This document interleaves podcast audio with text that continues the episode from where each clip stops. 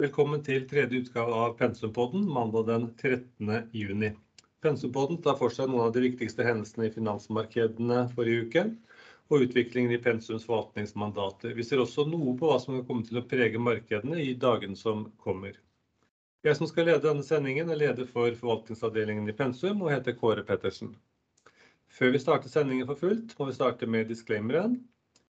Podkasten er et markedsføringsmateriale fra Pensum Asset Management. Uttalelsene i podkasten er ikke å regne som investeringsrådgivning eller en anbefaling til å investere, og uttalelsen er ikke et tilbud eller en oppfordring til å kjøpe eller selge et finansielt instrument.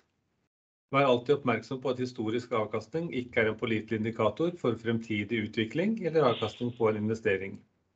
Søk råd hos profesjonelle rådgivere omkring juridiske, skattemessige, finansielle eller andre forhold før du foretar en investering. La oss begynne å se litt på tallene for uken som var, før vi kommenterer litt på markedet og hva som kommer. Vi kan starte med aksjemarkedet. Det ble jo en svak uke. Oslo Børs falt 2,7%. Dermed er årsoppgangen cirka halvert, hvor vi er cirka nå på 2,6% hittil i år, og det er ned 4,2% fra den absolutte toppen tidligere i år. Amerikanske S&P 500 falt hele 5% og er nå ned 17,6%. Dette er jo da målt i dollar.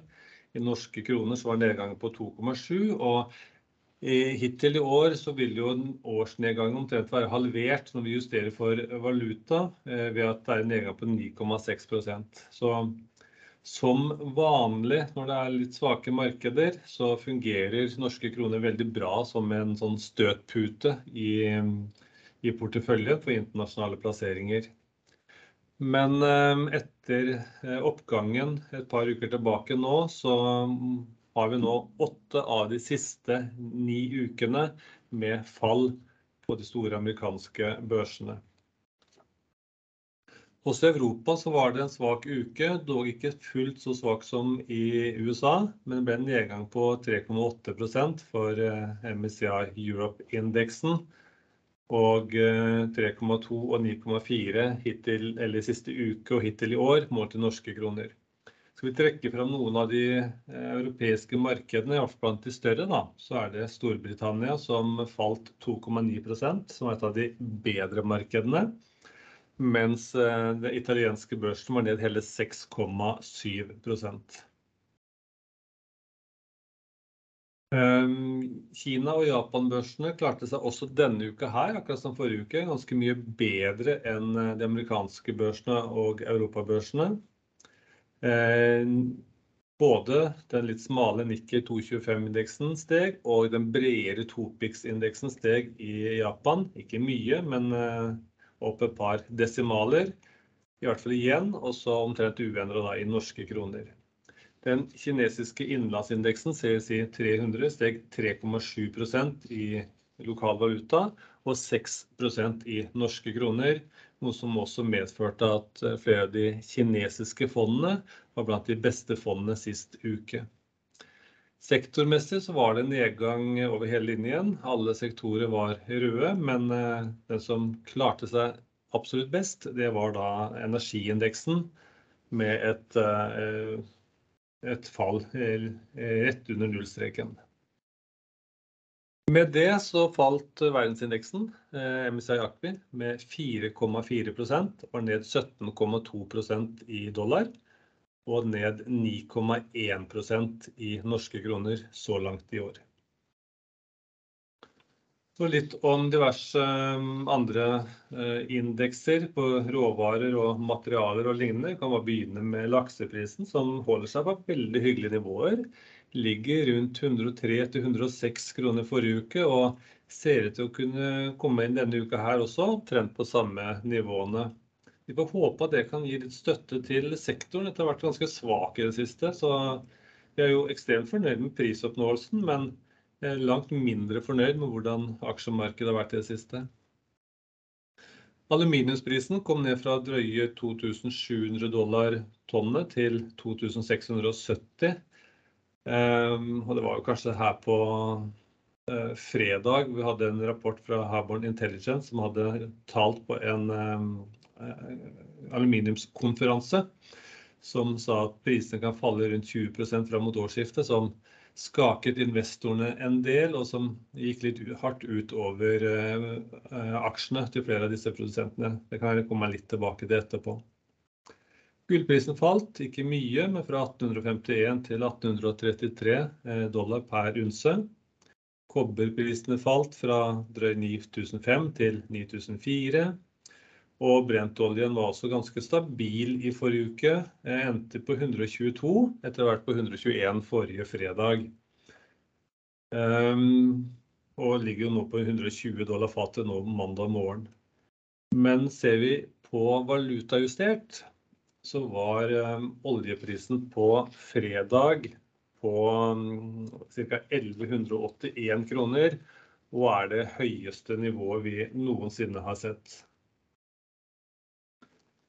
Gassprisene kom eh, litt ned i USA, fra 9,30 til ca. 8,50. Eh, mens eh, prisene i Europa ligger på per fredag da, rundt 26 dollar. Så det er jo da per britiske termiske enhet. På valutasiden, veldig typisk når det er når det er eh, svekkelse i internasjonale markedene, så får vi også en svekkelse av norske kroner. Og som jeg nevnte i stad, så fungerer det veldig bra som en støtdemper. Faller internasjonale aksjemarkeder, så faller norske kroner. Og dermed så blir ikke fallene valutajustert så store som de ellers ville vært. Dollaren falt, eh, eller krona falt mot dollaren fra 9,43 til 9,69 euroen fra 10,11 til 10,20. Svenskekrona fra 96,52 til 96,70. Så ser vi at uh, vi har fått en klar dollarstyrkelse uh, mot, uh, mot euro igjen. Lå på rett over 1,07 forrige uke når vi snakket sammen, og nå er den på rett over 1,05. Så begynner vi å nærme oss årstoppen på 1,04 igjen. Så vi får se om det vedvarer. og det er klart at Mye av dette er jo knytta til eh, inflasjonsrapporten som kom på fredag i USA.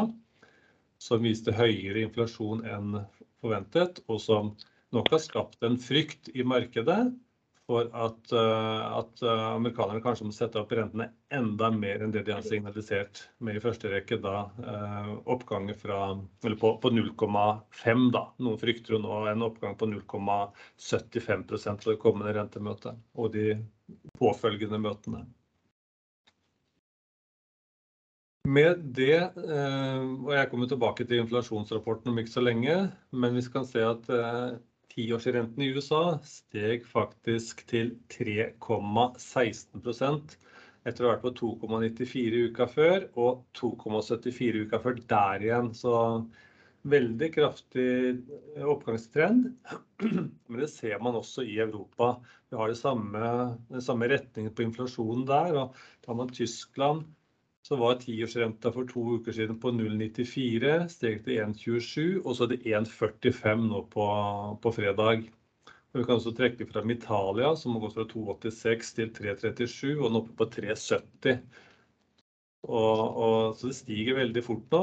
Og selv her i Norge så har det steget mye, hvor vi nå er oppe på 3,06% Med sammenligning altså 3,16 i USA. Da. Det har fulgt hverandre ganske tett i, i lang tid.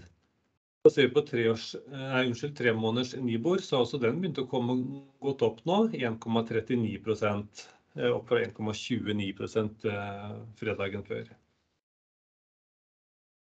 Så det er jo helt klart at det er mye inflasjon det handler om i markedene om dagen. Sentralbankene som må reagere på det, og frykten da for en eventuell eh, kommende resesjon. Det er stadig flere nå som begynner å si at risikoen er stor for en resesjon i løpet av eh, neste år. Så I så måte så var jo fredagens eh, amerikanske inflasjonsrapport det var venta bli den viktigste for eh, finansmarkedene. Og det ble den jo også, men med negativt fortegn. Men jeg kan jo prøve å gå gjennom hendelsene i forrige uke med noe nær en kronologisk rekkefølge. Mandag starta egentlig ganske stille, spesielt her, her, hjemme. Det var jo stengt både på Oslo Børs og på, på Stockholmsbørsen. Det var vel svenska flaggans dag.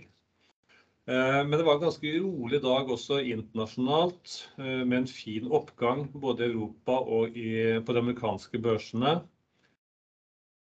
Det var nok delvis det at det var håp om en rekyl fra utviklinga uka før. Rentene var stabile på mandag i forhold til fredagen, og det var nye signaler om gjenåpning i Kina.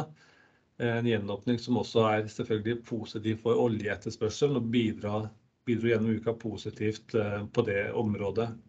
Det var lite nytt på makrofronten. Det viktigste var kanskje at global innkjøpssjefsindeks for tjenestesektoren kom inn uendret på 52,2. Det er et ok tall som forteller om videre ekspansjon. På tirsdag så fikk vi en positive nyheter fra Kina. Delvis så var det knyttet til teknologisektoren. De fleste har fått med seg at kineserne har jo hatt noen kamper de har kjempet de siste, det siste året nå spesielt, hvorav kampen mot teknologisektoren, en del av disse spillselskapene, gambling, men også sosiale medier har vært et mål for kinesiske myndigheter. De vil at kinesiske barn skal bruke mindre tid på å spille og på media og mer tid på lekser. Det har gitt en del reguleringer innenfor teknologisektoren som har senket mange av teknologiaksjene.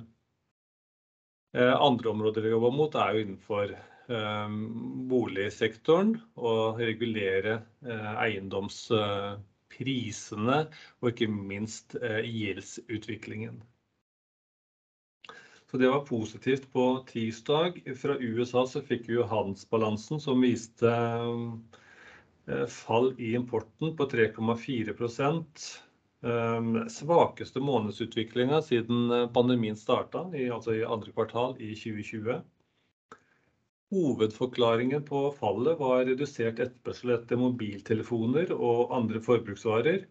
Men vi ser også at fallende import av biler bidro ganske sterkt. Men vi er jo ikke så sikre på at det er etterspørselen som er borte der. Det er nok kanskje mer tilbudssiden som har hatt problemer med å levere nok biler. Men førstnevnte tror vi er et signal om at vareetterspørselen, og kanskje spesielt da, etter teknologi, er fallende om dagen. Vi har jo sett at aktører som eksempel Target nå har kommet med to nedjusteringer av omsetning, sagt det er for mye vare på lager i etterkant av Q1-rapporten. Og Dette danner et litt større bilde med fallende signaler egentlig fra detaljhandelssektoren.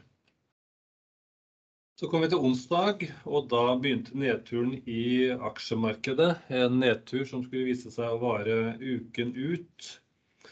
Fra Japan så kom nyheten om et fall i BNP på 0,5% i første kvartal. Det var for så vidt noe av det bedre nyheter som kom mot slutten av uka, fordi det var bedre enn hva markedet hadde ventet. Men så fikk vi også denne OECD-rapporten med nye anslag både for vekst og for inflasjon. Bildet som skapes her er ganske betydelig endret fra desember-rapporten. Det store bildet er inflasjonen opp og veksten ned.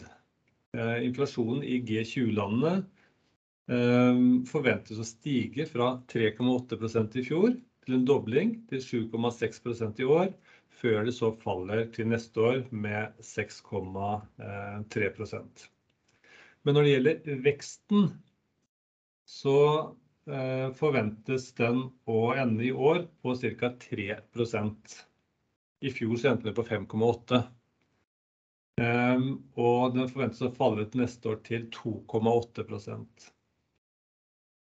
Og Ser vi så på de enkelte landene, så forventes det klart fall fra i fjor til i år Og videre til neste år, i hvert fall de store økonomiene, eksempelvis i USA, da, som hadde vekst i fjor på 5,7% skal falle i år til 2,5 neste år ned til 1,2% og i eurosonen fra 5,3 i fjor, halvert til 2,6 i år, og videre ned til 1,6 neste år.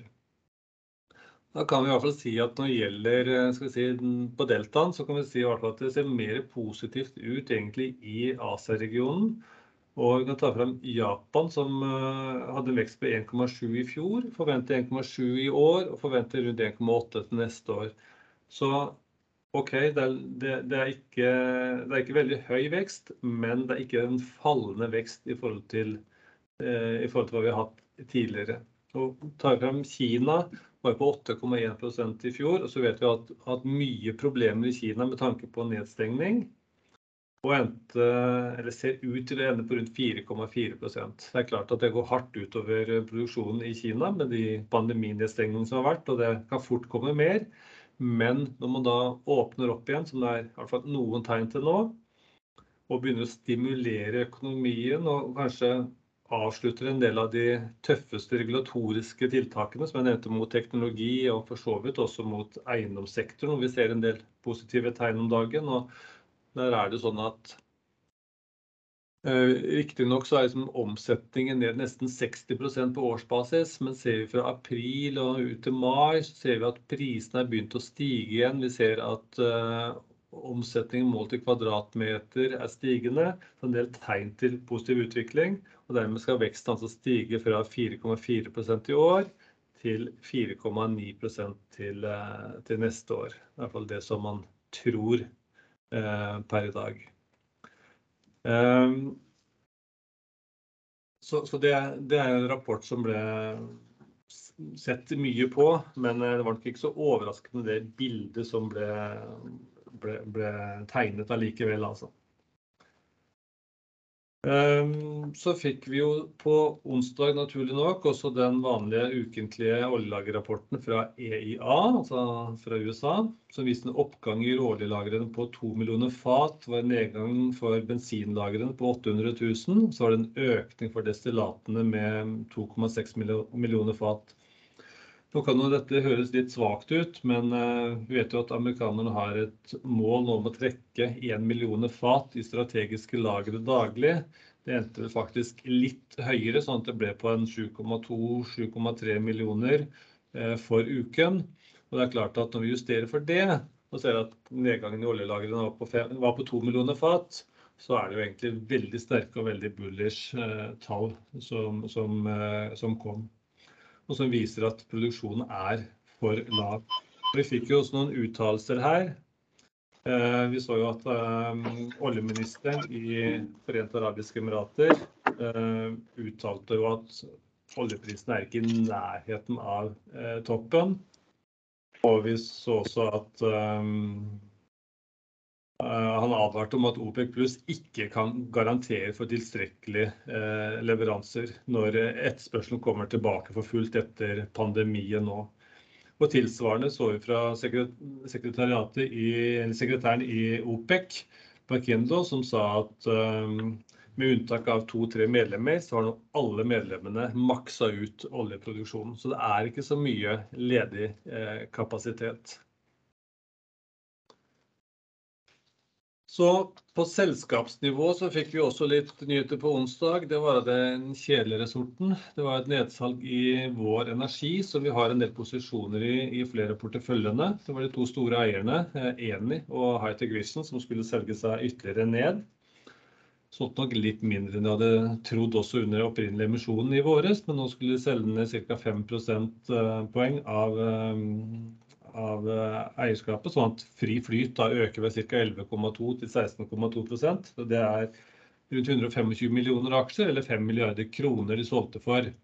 Og det er klart at eh, det overrasket både oss og resten av markedet, for de hadde opprinnelig en klausul om at de ikke eh, kunne selge på et halvt år etter emisjonen i februar. Derfor hadde vi trodd det ikke skulle skje noen ting før etter sommeren.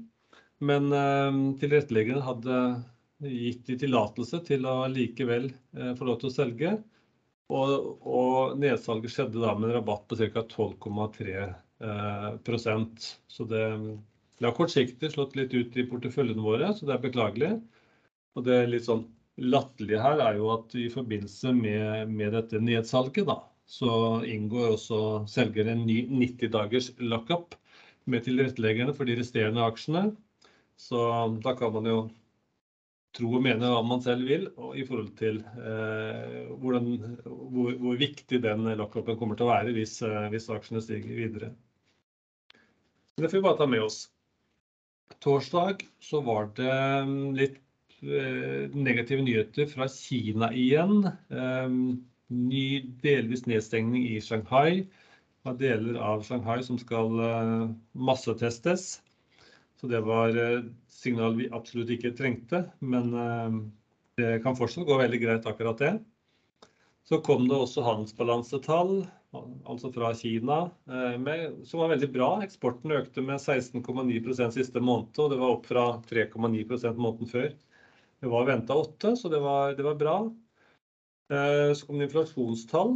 Og inflasjonen i Kina holder seg på lave nivåer, ligger på 2,1% på årsbasis. Så gjør det nok mye lettere for kineserne å stimulere enn for mange andre økonomier. Vi fikk, hadde rentemøte i Europeiske sentralbanken, og de holder jo eh, renten uendra på 0,5% Så sier de at de avslutter eh, obligasjonskjøpsprogrammet 1.7. Og da vet vi jo at eh, det, kommer renteøkninger på rekke og rad etter det. Eh, en i juli og så en til i september, begge på 0,25 eh, men med en fare for at det faktisk kan bli høyere.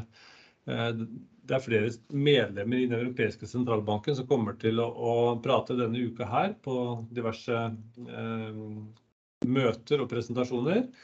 Og det kan jo gi ytterligere litt informasjon om hva, hva, ESB egentlig tenker, om de skal gå enda kraftigere til verk. Så mye kan jo tyde på at de bør det, ut fra hvordan hvordan eh, inflasjonen slår om dagen. På fredag så fikk vi disse inflasjonsrapportene. Vi kan bare begynne med Norge før vi går over til det amerikanske. 5,7 eh, opp eh, år over år. Det, ganske, det, var også overraskende høyt. Kjerneinflasjon opp 3,4 og spesielt av drivstoff, møbler og matvarer som trekker mye opp. Men det vi ser i forhold til tidligere, er jo at oppgangen er veldig veldig bred. Det er knapt nok noen sektor i det hele tatt som ikke bidrar nå til prisoppgangen. Og dette er jo den høyeste prisveksten på 34 år, siden 1988. Og da er jo spørsmålet hva gjør eh, Norges Bank senere nå i juni, når de skal ha sitt eh, rentemøte? Eh, vi ser at flere og flere nå begynner å snakke om at det kan bli en dobbel eh, rentehevning. Jeg kommer tilbake til det etterpå, men eh, vi får jo også noen tall denne uka her fra regionalt nettverk som kan være av betydning i så måte. Inflasjonen i USA, der var det jo håp om at vi nå skulle få tall som sa at vi er over toppen, og at ting kan begynne å, å lysne litt. Det skjedde ikke. Ehm, konsumprisene økte med 8,6 eh, år over år. Forventa at det skulle bli på 8,3, så var det mange som håpa at det skulle bli enda lavere. Men eh, så skjedde altså ikke. Kjerneinflasjonen endte på 6% også den litt høyere enn venta, eh, på 5,9. Ser man på månedstallene fra april til mai, så var økningen hele 1 Eh, det, var, det som trakk mest opp, det var høye bensinpriser. Jeg leste vel i, i helga at um, i USA nå så var vel 13 kroner per liter i USA, som er selvfølgelig høyeste noensinne. Så vi får se hvordan det slår ut på, på, mobiliteten. Men vi har vel egentlig ikke sett noen reduksjon enda i, i, i, i kjøpet av, av bensin. Så nå går vi jo inn i kjøresesongen. Så skal det bli spennende å følge det. Om, om det endrer på vanene til amerikanerne, eller om de kjører som før, uansett hva det koster. I tillegg så var det matvarepriser, og det var bokostnadene som også trakk mye opp. Og 8,6% i mai, det er det høyeste nivået på 40 år. Så her må det kjempes. Og det skal bli spennende med rentemøtet denne uka her om, om Fed sier det samme som de har sagt videre, om at 0,75 ikke er på agendaen, og at det kun blir 0,5% i renteøkning. Uansett så sendte jo inflasjonsrapporten lange renter opp, og ja, for så vidt også korte, men spesielt av lange, og aksjemarkedet ned. Som jeg var inne på litt i, i stad da. Denne uka her så starta det sånn ganske rolig. Vi kan ta med oss inflasjonstall fra Sverige i morgen. Så nevnte jeg at vi får Norges Bank sin rapport for regionalt nettverk i morgen. Der er det 300 bedrifter og organisasjoner som uttaler seg om økonomisk utvikling og utsikter. Og møtet, unnskyld, denne rapporten blir veldig viktig med tanke på rentemøtet til Norges Bank, som altså er den 23. juni. Så får vi på onsdag industriproduksjonstall og detaljhandelstall fra Kina. Vi får handelsbalansen fra Norge og også fra eurosonen. Så får vi industriproduksjonen i eurosonen. Alt dette altså på onsdag. Og fra USA så får vi jo den vanlige oljelagerrapporten. Og ikke minst så får vi da rentebeslutningen. Da tenker jeg det er en del som kommer til å sitte og følge med klokka 8 på onsdag kveld. Og, og følge med både på, på selve beslutningen og ikke minst da argumentasjonen rundt det og tankene om, om det forventes 0,5 også fremover, eller om det er på agendaen da med ytterligere økninger. På torsdag så får vi handelsbalansen fra Japan, og vi får på fredag inflasjonstall fra eurosonen. Så kan vi bare ta med også andre ting, at det er jo også rentemøte både i Japan og Sveits og Storbritannia denne uken her. Kort om porteføljene.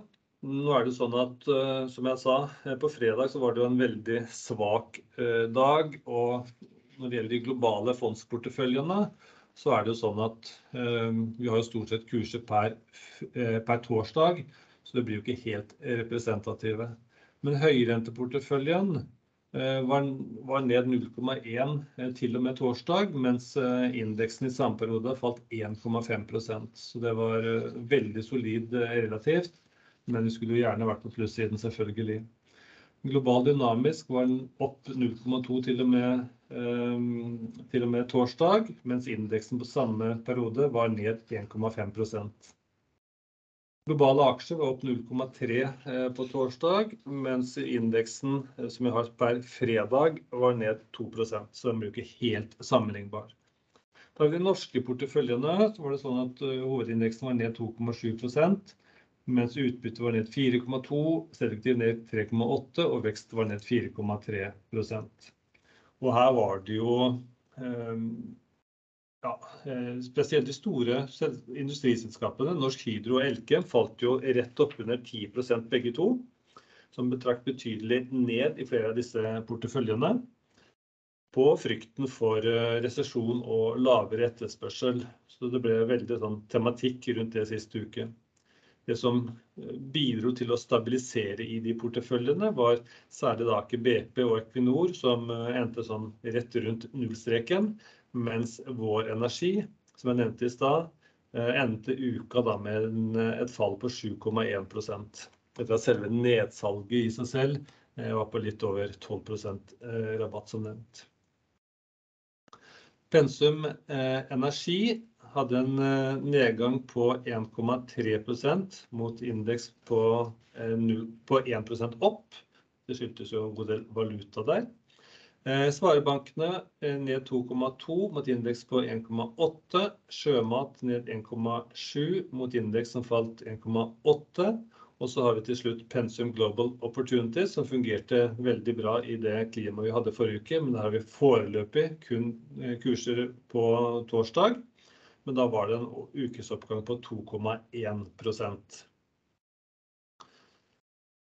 Um, ellers så kan vi også ta med oss at shippingaksjene falt mye sist uke. Um, sannsynligvis mye på samme grunn som industriselskapene. Det kom også noen rapporter fra noen aktører i Kina om lavere etterspørsel etter varer, som bygger opp under det vi har hørt fra en del av de amerikanske detaljhandelsaktørene. og for så vidt også noen uh, europeiske, spesielt teknologiaktører. hvor både MPC og Høg falt mellom 11 og 12% og Valenius Wilhelmsen falt ca. 8% Så kan vi ta med at uh, i vekstporteføljen så har vi jo et uh, flyselskap som heter North Atlantic. De har uh, jomfruturen sin denne uken her, tirsdag, hvor turen går til New York. Og selskapet lanserte også i forrige uke ruter til New York og Los Angeles fra Berlin. Så det var litt sånn på selskapsspesifikke nyheter. Med det så har vi kommet gjennom ukens uh, Pensumpodden. Og vi ønsker selvfølgelig øh, velkommen tilbake om en uke. Takk for i dag.